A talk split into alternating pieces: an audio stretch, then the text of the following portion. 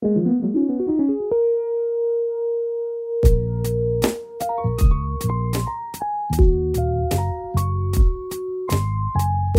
toen mijn moeder erachter kwam was ze er niet zo blij mee, want ik mocht er geen geld vragen.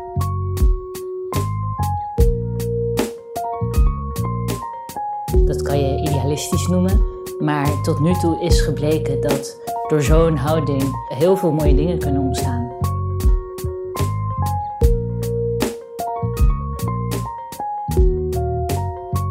Zei hij tegen me: ehm, Ja, ben je nooit bang als je hier bent? Zei, ja, je zit toch met allemaal eh, jonge, jongeren uit de gevangenis. Hadi beste luisteraar en welkom bij Jong op de Tong, een podcast van de Nationale Jeugdraad. Mijn naam is Tim en in deze podcast spreek ik altijd met een inspirerend jong persoon die ideeën heeft over hoe we de wereld weer net een beetje mooier kunnen maken. Want daar doen we het voor natuurlijk. Deze keer spreek ik met Nusret Moussa. Ze is leider van het platform UT, een broedplaats voor jonge creatievelingen in mijn favoriete stad Utrecht, maar ze is ook Data Protection Officer. In die hoedanigheid zorgt ze er bij verschillende organisaties voor dat de privacy voor mensen gewaarborgd blijft. Verder geeft ze trainingen aan bedrijven over thema's als ethiek, inclusiviteit en diversiteit. Nusret, tof dat je er bent. Dankjewel Tim, leuk dat ik er mag zijn. Zeker. Um, ik zou je zo snel mogelijk eigenlijk wat uh, beter willen leren kennen. Dat doe ik in elke aflevering. En daarom stel ik ook gelijk altijd de vraag: wat is nu het allerbelangrijkste dat ik van jou moet weten om een idee te krijgen van wie jij bent als persoon? Het allerbelangrijkste over mij is dat ik altijd denk in mogelijkheden. En hoe uitzicht dat in jouw leven? Dat uitzicht dat als ik um, in aanmerking kom met een conflict of een lastige situatie, dat mijn tweede gedachte, nou mijn eerste gedachte is altijd, hè, wat kut. Maar mijn tweede gedachte uh, is vervolgens, hoe kan ik dit oplossen? Of wat is de beste manier om hiermee om te gaan? En dat vind ik eigenlijk ook heel fijn, want dat zorgt ervoor dat ik um, heel weinig of ja, heel weinig problemen zie in het dagelijkse bestaan. Maar hoe pak je dat dan aan bijvoorbeeld als je dan zo'n conflict tegenkomt? Wat, hoe, hoe werkt jouw hoofd op zo'n moment? Ik, uh, ik kan het dat het beste uitleggen aan de hand van een voorbeeld. Heel goed. Um, ik geef trainingen en ik geef trainingen aan allerlei soorten mensen en, en, en in verschillende contexten. En zo gaf ik bijvoorbeeld een training een aantal jaar geleden in Rotterdam aan een groep jongeren die totaal geen zin hadden in mijn training. Uh, dat lag vast niet aan mij, want ze kenden mij niet, maar dat, uh, die training was voor hen verplicht. En um, hun weerstand werd geuit op verschillende manieren. En ik dacht, nou, ik heb hier geen zin in. Ik heb geen zin om drie uur lang aan, aan uh, kinderen van, uh, van 15 te trekken. Het kost mij heel veel energie. Dus toen heb ik aan die kids gevraagd van... Goed jongens, ik voel dat jullie weerstand hebben. Dat heb ik niet in deze woorden gezegd, maar in andere woorden. Ik voel dit. Wat hebben jullie van mij nodig om, uh, om er wel een leuke drie uur van te maken? Want we moeten het met elkaar uh, met elkaar, elkaar leiden, zeg maar. Ja, en vervolgens kreeg ik een heel fijne reactie terug. Van ja, we hebben er niet zoveel zin in, want we hebben het druk. Het bleek dat ze een week voor hun tentamenperiode waren. Maar uh, nou, ik zei, nou, ik kom voor dit en dit onderwerp. Laten we het wel zo doen dat jullie het naar jullie zin krijgen en dat ik mijn werk kan doen. Nou, op een gegeven moment uh, waren we het met elkaar eens. En vervolgens zijn het uh, hele leuke drie uren geworden. En uh, tot op de dag van vandaag dat dat, dat dat me is bijgebleven. Sterk voor in je schoenen staan om te durven zo gewoon open aan een klas te vertellen van... ja, het gaat zo niet goed, hoe gaan we het beter doen? Lijkt me best wel lastig om zo'n keuze op zo'n moment te maken. Ik denk dat het maken van die keuze... Um, een voorwaarde is om, um, of nee, excuus, um, dat ervaring uh, een voorwaarde is om die keuze te maken. Dus ik heb jarenlang ervaring als trainer en dat heb ik, ben ik ooit mee begonnen omdat ik dat leuk vond en omdat ik andere trainers zag hoe zij trainingen gaven. maar ja, ik heb, ik heb in het begin toen ik trainingen gaf, stond ik bij wijze van spreken met knikkende knieën uh, voor een groep. En toen jaren later, of een, een, tijd later, um, ja, sta ik zekerder in mijn schoenen en, en kan ik dat soort keuzes maken. En kan ik ook um, op een bepaalde manier met mensen en met situaties omgaan. En dat is tot nu toe alleen maar heel fijn. Het maar, denken in mogelijkheden. Maar dan heb je dat wel dus moeten ontwikkelen. Heb je, heb je dat niet altijd gehad, dat denken in mogelijkheden? Want hoe was het dan vroeger en hoe heeft zich dat ontwikkeld? Ik kom uit een, um, uit een heel interessante familie. Mijn ouders en, en, ik kom ook uit een groot, grote familie, groot gezin van zeven kinderen. En ik kan niet zo goed snel een, een, een concreet voorbeeld geven hoe, hoe het denken in mogelijkheden zich heeft ontwikkeld. Maar een conclusie is dat mijn ouders een bepaalde visie hebben op het leven. Uh, ze zijn hier gekomen naar Nederland uh, eind jaren 60. Ze waren de eerste, een van de eerste Pakistanis. En um, ja, de, zij zijn het verhaal van uh, start from the bottom, now we're here. Om hier te zijn, om hier te zijn waar ik nu zit, om überhaupt hiervoor uit, uitgenodigd te worden, mm. wat een eer is, is voor mij heel erg belangrijk geweest om alleen maar in mogelijkheden te denken. En uh, niet mezelf afleiden of niet mezelf laten afleiden door mensen die mij onzeker maken. Dus het begon eigenlijk bij de mentaliteit van je ouders, die hier naartoe kwamen, ook met het idee van... Uh... Ik denk het wel. En ik denk, nou ja, ik weet het zeker dat zij, een, uh, dat zij hun ethos hebben doorgegeven aan hun kinderen en ook aan mij. En nou ja, en eh, als je in zo'n groot gezin opgroeit, dan zijn er zeven verschillende uh, persoonlijkheden en zeven verschillende interesses en verhalen. Dus ja, je, je moet het wel met... bij ons was het is het altijd heel erg dynamisch geweest daardoor. Is het ook niet een beetje vechten voor je plek als je met z'n zevenen bent? Ik kan me dat niet voorstellen, ik heb alleen maar één zus. Ja, dat is het wel. Ik zou hem anders formuleren. Um, ik zou zeggen dat je met z'n allen wel door één deur moet. Dus je wordt onbewust, ik werd onbewust uitgedaagd om met al mijn gezinsleden, mijn broers, zussen, mm -hmm. mijn ouders, uh, goed te kunnen opschieten. En ik heb daarin een veel andere positie uh, dan mijn oudste zus. Ik ben de jongste van zeven kinderen. En mijn zus en broers zijn ook veel ouder dan ik. Dus ik heb een heel ander verhaal dan, dan, dan mijn oudere broer of zus. Maar overal denk ik dat, het, uh, dat, je op, dat ik op vroege leeftijd ben uitgedaagd en heb geleerd hoe om te gaan met mensen. Ik vind het wel ook interessant dat je gelijk in een soort harmoniemodel denkt. Want je corrigeert me eigenlijk als ik zeg van vechten voor je plek. Zeg jij nee, het gaat juist om een soort harmonie. Je moet het samen oplossen. Ja. Ook, dat is ook een bepaalde mentaliteit volgens mij al direct. Zeker. En in, in zo'n harmonieuze uh, houding, uh, daar geloof ik in. En dat kan je romantisch noemen. Um, dat kan je idealistisch noemen. Maar tot nu toe is gebleken dat door zo'n houding um, ja, echt heel, heel veel mooie dingen kunnen ontstaan. En die dingen die ik... Uh, die ik de afgelopen jaren zelf heb mogen doen. Tof, ja. En ik zat ook even te denken, want ik noemde in de intro al een paar dingen op die je doet. Hoe komt het dat je nu die dingen doet? En zijn er ook wel momenten geweest dat je heel erg twijfelde van welke kant wil ik eigenlijk op met mijn leven? Ja, zeker. En die twijfel is er nog steeds. ik ben eigenlijk uh, een twijfelaar en, en dat vind ik fijn. De twijfel houdt mij scherp. Um, het, het, moet niet de, de, de boventoon voeren op een gegeven moment. Uh, maar um, eigenlijk uh, heb ik, um, ja, dat is heel popiopie gezegd misschien, maar ik heb maar wat gedaan in mijn leven. Um, ik heb niet de normale of de gangbare loopbaan gehad, zoals de meeste jongeren van, van in de twintig. Die uh, gaan eerst afstuderen op hun middelbare school en dan gaan ze binnen vier, drie jaar afstuderen. Ik heb uh, uh, wel eerst een paar jaar gestudeerd en toen ben ik vooral gaan werken. En uh, nu uh, ben ik de afgelopen jaren weer gestart, met mijn rechtenstudie. Um, en in die periode, toen ik ben gaan werken en, en, en, aan de slag ben gegaan als trainer, ja, eigenlijk ben ik trainer geworden omdat, ik, omdat me dat leuk leek. En omdat het omdat ik heel concreet wist dat ik aan de hand van het geven van trainingen impact kon maken op microniveau, op mensen. Ja, en je zegt eigenlijk ook van ik wilde gewoon wat dingen proberen, zeg je. Dat vind ik ook wel mooi, omdat volgens mij hebben we soms al veel te veel de gedachte als jonge mensen dat je al precies moet weten wat je wil of zo. Ja. Dat ik eigenlijk ook wel als mensen aanmoedigen, zoals jij misschien ook een beetje hebt gedaan. Gewoon lekker wat dingen te proberen, misschien soms ook een beetje aan te klooien, nou weer te stoppen met zeer, gaan werken en weer ja. beginnen. Waarom niet? Ja. Ik denk dat het aanklooien, dat je, dat je dat jezelf kan permitteren tot een bepaalde leeftijd. Um, ik vind het geven van trainingen heel erg leuk. En op een gegeven moment uh, ben ik ook gegroeid in mijn rechtenstudie. En heb ik ook ontdekt dat ik heel erg goed ben in het juridisch denken. En het juridisch denken, daar hoeven we het niet over te hebben. Dat is ook misschien saai voor veel mensen.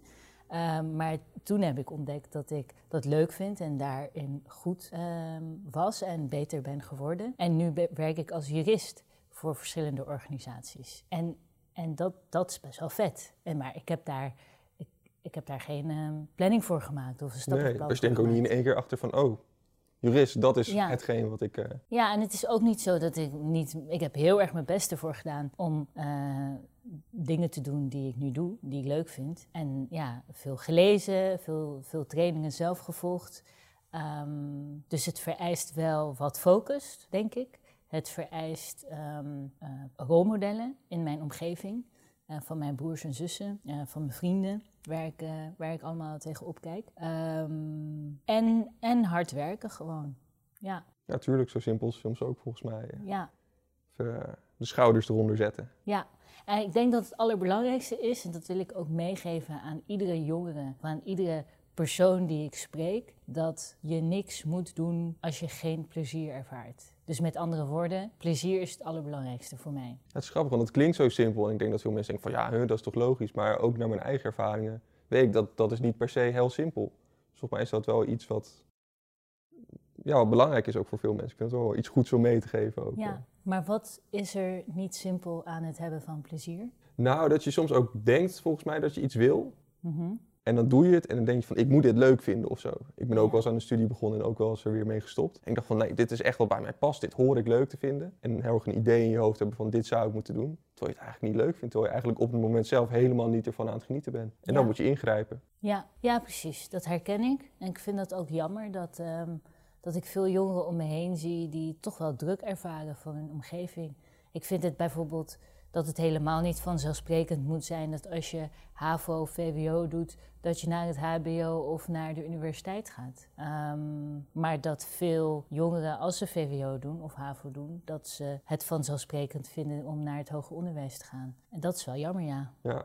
Ja, ik vind eigenlijk ook überhaupt dat we niet meer hoger of lager onderwijs zouden moeten noemen in die zin. Want dan klinkt het Ja. ook een beetje alsof je altijd... Alsof je moet. hoger moet. ja. En alsof de, de, de enige goede weg de, het, het, oog- de, de hoger onderwijsweg is. Ja, En dat dat, is het natuurlijk niet. waar is. Nee, nee, absoluut niet. Ik, ehm, ik wou het eigenlijk ook even met je hebben over die training. Want je geeft dus training over thema's als diversiteit, inclusiviteit. En ik vind dat zelf soms ook wel eens thema's die moeilijk te duiden zijn op een bepaalde manier. Ik vroeg me af, je geeft er training over. Wat kan je mensen leren over zo'n onderwerp? Wat kan je mensen leren over het onderwerp? Ehm, om, juist omdat het complexe, moeilijke, eh, vage woorden Precies, zijn, ja. termen zijn. En elke organisatie is tegenwoordig bezig met een diversiteitsbeleid. Ook al weet ik niet zo goed waar, wat dat dan is precies. Ehm, als ik trainingen geef over maatschappelijke onderwerpen, en dat kan zijn ethiek of dat kan zijn eh, hoe ben je inclusief als organisatie. Ehm, als ik die trainingen geef, dan geef ik vaak een, eh, een manier van kijken. En vervolgens probeer ik met die mensen eh, een, een manier te vinden die past bij hun organisatie. Om die manier van kijken ehm, te vertalen naar concrete eh, actiepunten. Dus ook, er is ook niet één Nee. eenduidige oplossing, zeg Nee. maar. Het ligt heel erg aan. Ja, het ligt heel erg aan wat die organisatie wil, wat die organisatie vindt van zichzelf. Ehm, er zijn organisaties die vinden wij moeten een diversiteitsbeleid, maar daar hebben ze verder niet over nagedacht. Er zijn ook organisaties die vinden, nou er moet een quotum komen. En er, nou, maar hoe dan? Ehm, En wat denk Dus- jij ervan, van iets als een quotum? Wat, als je dan bij een organisatie komt en je hoort van... nou, wij hebben diversiteitsbeleid, we gaan een quotum eh, invoeren. Ik vind het ehm, vooral interessant waarom organisaties een quotum willen. Waarom organisaties het nodig vinden om eh, een bepaald streven te hebben. Ehm, voor de ene organisatie, ja, dit is natuurlijk een heel politiek correct antwoord wat ik zal geven, maar voor de ene organisatie is een quotum misschien wel goed, bijvoorbeeld in de financiële wereld of ehm, in, het, in het bedrijfsleven, sommige bedrijven in het bedrijfsleven. Maar voor een andere organisatie is het misschien belangrijker om eerst na te denken. En oké, dan heb je vijf waarden, bij wijze van spreken, die je wil uitvoeren in al je lagen, in al je afdelingen, bij wijze van. Eh, en dan kan ik je helpen hoe je dat concreet krijgt. Dus, eh, nou, noem het noem het maar. Je kan trainingen geven aan je personeel, je kan iets verplicht stellen, je kan. ehm, en ik, ja, dus ben ik voor een quotum, ehm, ligt, ligt af van de situatie. Het gaat je volgens mij vooral om een soort van mindset erin te Mindset, krijgen. bij- bewustwording, ook misschien en- een bepaalde bedrijfscultuur, zeg maar, die Ja. moet... absoluut. En, en een quotum, dat is natuurlijk vanuit een heel mooie gedachte, namelijk om meer verschillende soorten mensen binnen je organisatie, het gaat, ehm, binnen je organisatie te betrekken. Het gaat om representatie. Want als je nadenkt hoeveel mannen er in een gemiddeld bestuur zitten van in het bedrijfsleven, dan is dat natuurlijk geen afspiegeling van de Nederlandse Nee, maatschappij. niet. eh. En eigenlijk is in de dingen die ik doe, of, of het nou eh, het geven van trainingen zijn, of bij projectleider bij UT, of eh, als data protection officer, dat ik mensen mogelijkheden geef. En dat klinkt, ik geloof best dat dat voor de luisteraar wat eh, vaag klinkt, maar ehm, eh, ik word er gelukkig van. Mensen vragen erom en, eh, en ik kan er van leven.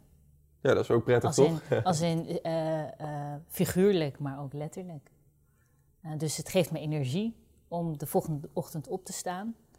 En ehm, het geeft me ook, ehm, eh, ja, hoe zeg je dat? Denk, denkpower, maar eh, inspiratie, Mhm. stof tot nadenken. Food for thought in het Engels. Ehm, en mensen zijn blij. Maar we- heb je misschien wel een voorbeeld, iets, iets om dan toch te kijken of we het concreet kunnen maken van een soort van mogelijkheid die jij hebt aangereikt aan een bepaalde organisatie op het gebied van diversiteit of inclusiviteit of iets anders, dat kan ook. Ja, deze podcast is van EJR, is een productie van EJR. En ik heb bij eh NJR ben ik eh, onder andere aan de slag als, eh, als jurist, data protection officer. En dat wil zeggen dat je ervoor zorgt dat een organisatie, ehm, ja, in het, in het Engels noem je dat compliance, maar dat een organisatie voldoet aan wet en regelgeving. Ehm, en dat doe ik nu voor NJR en dat doe ik ook voor een andere organisatie, een andere jongere organisatie. Ehm, en dat is, dat is wel heel erg vet. En dat is eigenlijk een heel andere eh, visie, een heel andere rol ehm, dan, dan wat je gewend bent bij een eh, organisatie die eh jongerenparticipatie wil bevorderen. Een jurist kom je sneller tegen op, eh, in een advocatenkantoor bijvoorbeeld. Maar juist die combinatie tussen heel erg inhoudelijk op de hoogte zijn van wet en regelgeving en met mensen bezig zijn, met jongeren, is heel erg vet.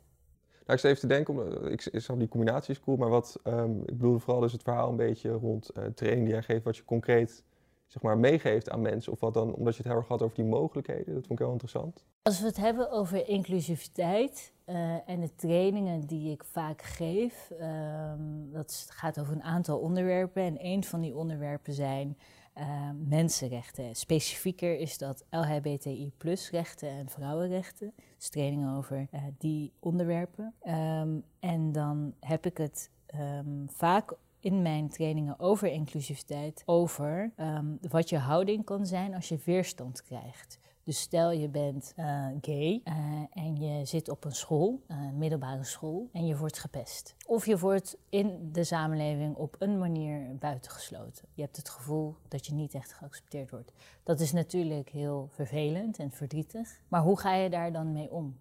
Is het handiger als je in de verdediging schiet? Als je met je vuist op tafel slaat? Ehm, of is misschien een andere houding veel ja, productiever? Meer ontspannen houding bedoel je dan? Of? Nou, als je gepest wordt, snap ik heel goed dat het moeilijk is om ontspannen te zijn. Ehm, maar je hebt manieren ehm, om, om, om het draaglijker voor jezelf te maken. En dat is natuurlijk per persoon afhankelijk. ehm, maar ik doe meer op ehm, als ik een training geef over mensenrechten, dat ik het vaak ook over empathie heb. Hoe zorg je ervoor dat als je tot een minderheid behoort, minderheidsgroep behoort, dus LHBTI, jongeren of eh, jongeren met een licht verstandelijke beperking.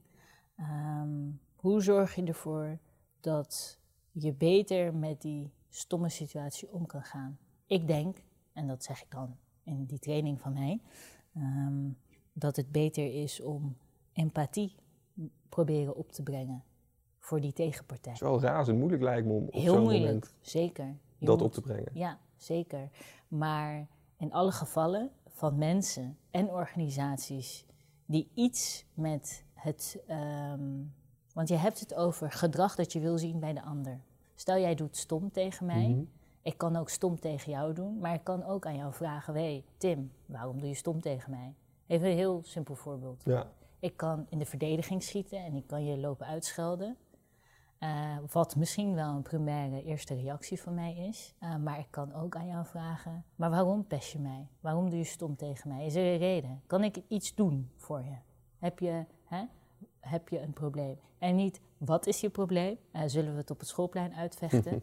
maar dat je, dat, dat je daar op een andere manier mee omgaat. En ja. ja maar het is op zich een heel duidelijk voorbeeld, denk ik. Want laat precies zien hoe je allerlei verschillende houdingen kan aannemen. Ja. En zo toch misschien ook op een bepaalde manier weer, hoe zou ik het zeggen, weerbaarder uit kan ja, komen. Weerbaarder, sterker en ook door je eigen gedrag um, andere mensen onbewust te inspireren. Dus doordat ik zelf een, een, een positieve houding heb, om het zo maar te zeggen, of een, uh, nou, niet per se een positieve houding. niemand moet van mij een positieve houding hebben.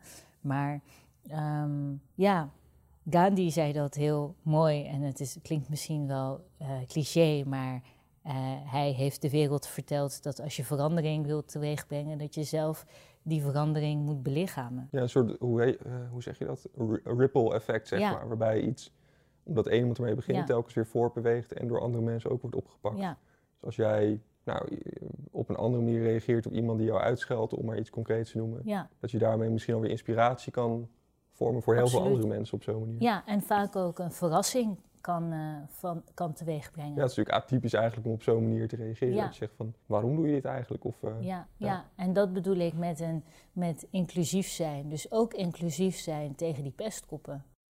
Eh, want ik geloof dat achter elk gedrag een behoefte schuilt. En het is interessant om die behoeften van mensen te kunnen, te kunnen destilleren op een gegeven moment. En dat is natuurlijk heel erg van, daar moet je natuurlijk wel sterk in je schoenen voor staan. En dat, daar, dat vergt ook een bepaald bewustzijn eh, van jezelf.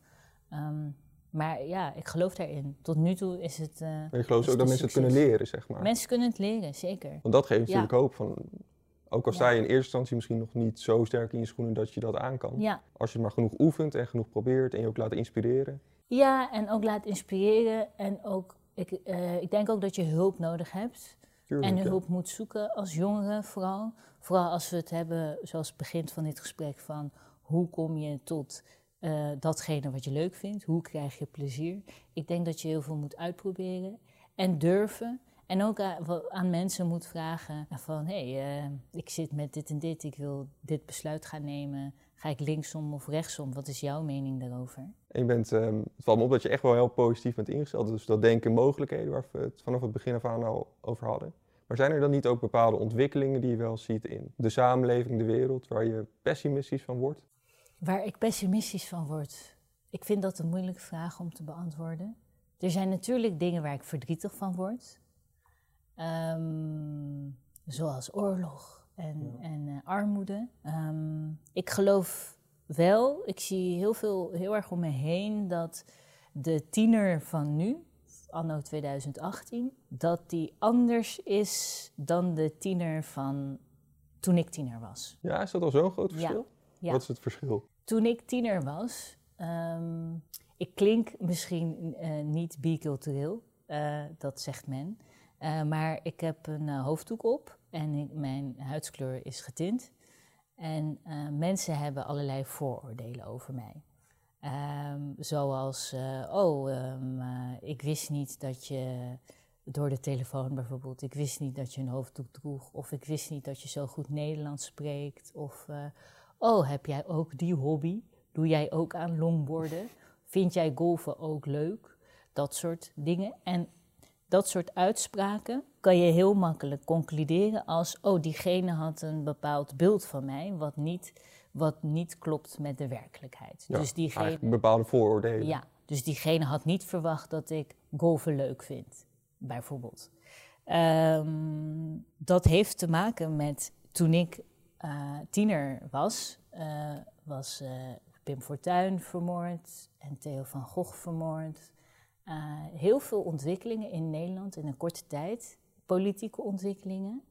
En toen was het probleem, ik zeg het even heel simpel, ehm, oh, een hoofddoek is een probleem. Dus problemen werden heel erg concreet. Super kort door de bocht ook. Best wel kort door de bocht. En wat ik nu merk, is een hoofddoek, een, het dragen van een hoofddoek heeft te maken met identiteit. Hoe zie jij jezelf en hoe wil je dat mensen jou zien. Dat is niet alleen maar uh, dat stukje. Het heeft ook te maken waar geloof jij in, wat, uh, wat wil je uitdragen. Maar um, ik denk dat hoe jongeren van nu, dus de tiener van nu, kijken naar identiteit, dat het veel breder is dan alleen maar het dragen van een hoofddoek. De jongeren van nu, um, de tiener van nu, identificeert zich niet alleen maar met Nederland. De tiener van nu identificeert zich ook met een vlogger uit Australië, die het heeft over een onderwerp wat die tiener leuk vindt. Um, dus ik denk dat het beeld van mensen veranderd is. Dat het um, door allerlei invloeden, door allerlei technologische vooruitgang, dat het beeld over identiteit veranderd is en veel breder is geworden. Eigenlijk ben je dus wel hoopvol over de, de jongeren van nu, als ik je zo hoor. Ik ben hoopvol. Dat was niet je vraag. Jouw vraag was, waar word je verdrietig van? Ja. Niet waar? En dat vond je een moeilijke vraag. Dat vond ik wel opvallend. Dat vond ik een moeilijke vraag. Maar waar ik verdrietig van word, en dat is misschien de denkstap, nee, dat weet ik zeker dat dat de denkstap was die ik had gemaakt. Waar ik verdrietig van word, is dat mensen vooroordelen hebben over andere mensen. En dat dat, dat ervoor kan zorgen dat mensen geen gelijke kansen hebben. Ja, dat je met een achterstand begint op die manier. Ja. Ik denk dat het ook wel een mooie, mooie brug is eigenlijk naar de slotvraag. Want dat is uh, de vraag waarmee jij jouw ideale wereld mag gaan schetsen. En waarmee je op een mooie positieve noot kunnen eindigen, volgens mij. Dus als alles nu volgens plan gaat en de wereld ontwikkelt zich een beetje op de manier waarop jij hoopt dat die ontwikkelt. Hoe ziet het er dan uit over 10 of 20 jaar? En wat is jouw plek in die wereld? Mijn ideale wereld over een tijd uh, zit hem vooral in omgang met elkaar. Dat we geen rechtszaken meer hebben waar vrouwen voor zichzelf op moeten komen omdat zij op een uh, nare manier ehm, benaderd zijn. Dat je je mening mag uiten zonder dat je een ander pijn doet daarmee. Maar dat bijvoorbeeld vrijheid van meningsuiting nog steeds wel heel erg belangrijk is. Dat kan ertoe leiden dat er geen uh, terroristische aanslagen meer zijn, omdat mensen zich niet meer verdrietig hoeven te voelen over een uiting van een ander. Um, dus mijn ideale wereld ziet er vooral uit in de omgang tussen mensen. En dat er meer begrip is tussen mensen. En dat we door onze omgang, door onze, hoe jij en ik met elkaar praten, uh, maar ook gedrag, dus meer bewust gedrag van Ga ik zeven dagen per week vlees eten of kan het ook vijf dagen per week zijn? Um, dat, dat, dat we ons niet hoeven te schamen voor de volgende generatie. Dat de volgende generatie niet zoiets heeft van... Ha, wat waren dat een stelletje idioten die maar gedaan hebben wat, wat, uh, wat meteen in hun opkwam. En een stelletje maloten die maar hebben gedaan waar ze zin in hadden. Dus ik heb het over omgang, ik heb het over een houding, een inclusieve houding. En ik heb het over dat we met de rechte rug kunnen terugkijken. Ja, dus dat we eigenlijk nu wat beter met elkaar omgaan allemaal en wat, wat inclusiever worden. En ja. Eigenlijk ook gewoon wat fijner voor elkaar worden. Gewoon wat liever. Ja, wat liever inderdaad. En inclusief en open en het klinkt allemaal een beetje vaag, maar weet nou, je... Het is toch eigenlijk vaag zo simpel als wat? Gewoon aardig doen. Gewoon ja, aardig doen. doen en niet meteen je mening geven over van alles ook af en toe, sorry dat ik het woord gebruik, maar ook gewoon af en toe je bek houden. En uh, opstaan wanneer het moet. Um, in protest gaan als er nare dingen gebeuren. En jongeren die doen dat vaker. Wat ik heel erg, heel erg inspirerend vond, is dat naar aanleiding van um, de, de, de beschieting op een Amerikaanse school een tijdje geleden, dat er duizenden jongeren op de straat op gingen in Washington DC. Acht, vanuit hun, achter hun computer opstonden en de straat op gingen. Dus opstaan wanneer het moet en je bek houden wanneer het kan. en ik denk dat dat een start is. Uh, en ook een concrete start voor jonge mensen, maar ook misschien ook voor oudere mensen. En proberen dat, uh, dat als je ergens mee bezig bent met een project, of je nou wat ouder bent of jonger, dat je verschillende soorten mensen probeert te betrekken. Bij, eh, als ik het heb tegen ambtenaren, dan zeg ik probeer verschillende soorten jongeren te betrekken bij je beleid. Als ik het heb over jongeren, probeer uh, in een andere wijk te chillen dan, dan, dan je misschien in eerste instantie doet. Uh, probeer eh, een vraag te stellen aan die klasgenoot van jou waar je nooit mee praat. Dus probeer te connecten met mensen. Doe daar moeite voor, want het is echt wel tof. Ik kom in aanmerking elke week met allerlei soorten mensen uit verschillende hoeken van het land. En dat is, dat is echt heel vet. Tof. Echt een mooi verhaal. Ik uh, krijg wel weer het gevoel dat er genoeg hoop is, in ieder geval door dit gesprek. Dus daarvoor wou ik je hartelijk danken. En dan zijn we alweer door het half uur heen. Dus dan uh, gaan we hem weer afsluiten. Ik dank de luisteraar heel erg voor het luisteren. En ik hoop je de volgende keer weer te zien. Of eigenlijk niet, ik zie je niet, maar maakt niet uit. Tot de volgende keer. Hoi. Vond je dit een mooi gesprek en wil je meer leren van Nusret? Kom dan in januari naar haar training bij NJR. Meer informatie vind je in de beschrijving. Je luisterde naar Jong op de Tong, een podcast van NJR voor changemakers. De productie is gedaan door Isabel Jensen, Jip Schalks en Joran Poot. De muziek is van Andro Akkerman en je hoorde de stem van Tim Homan.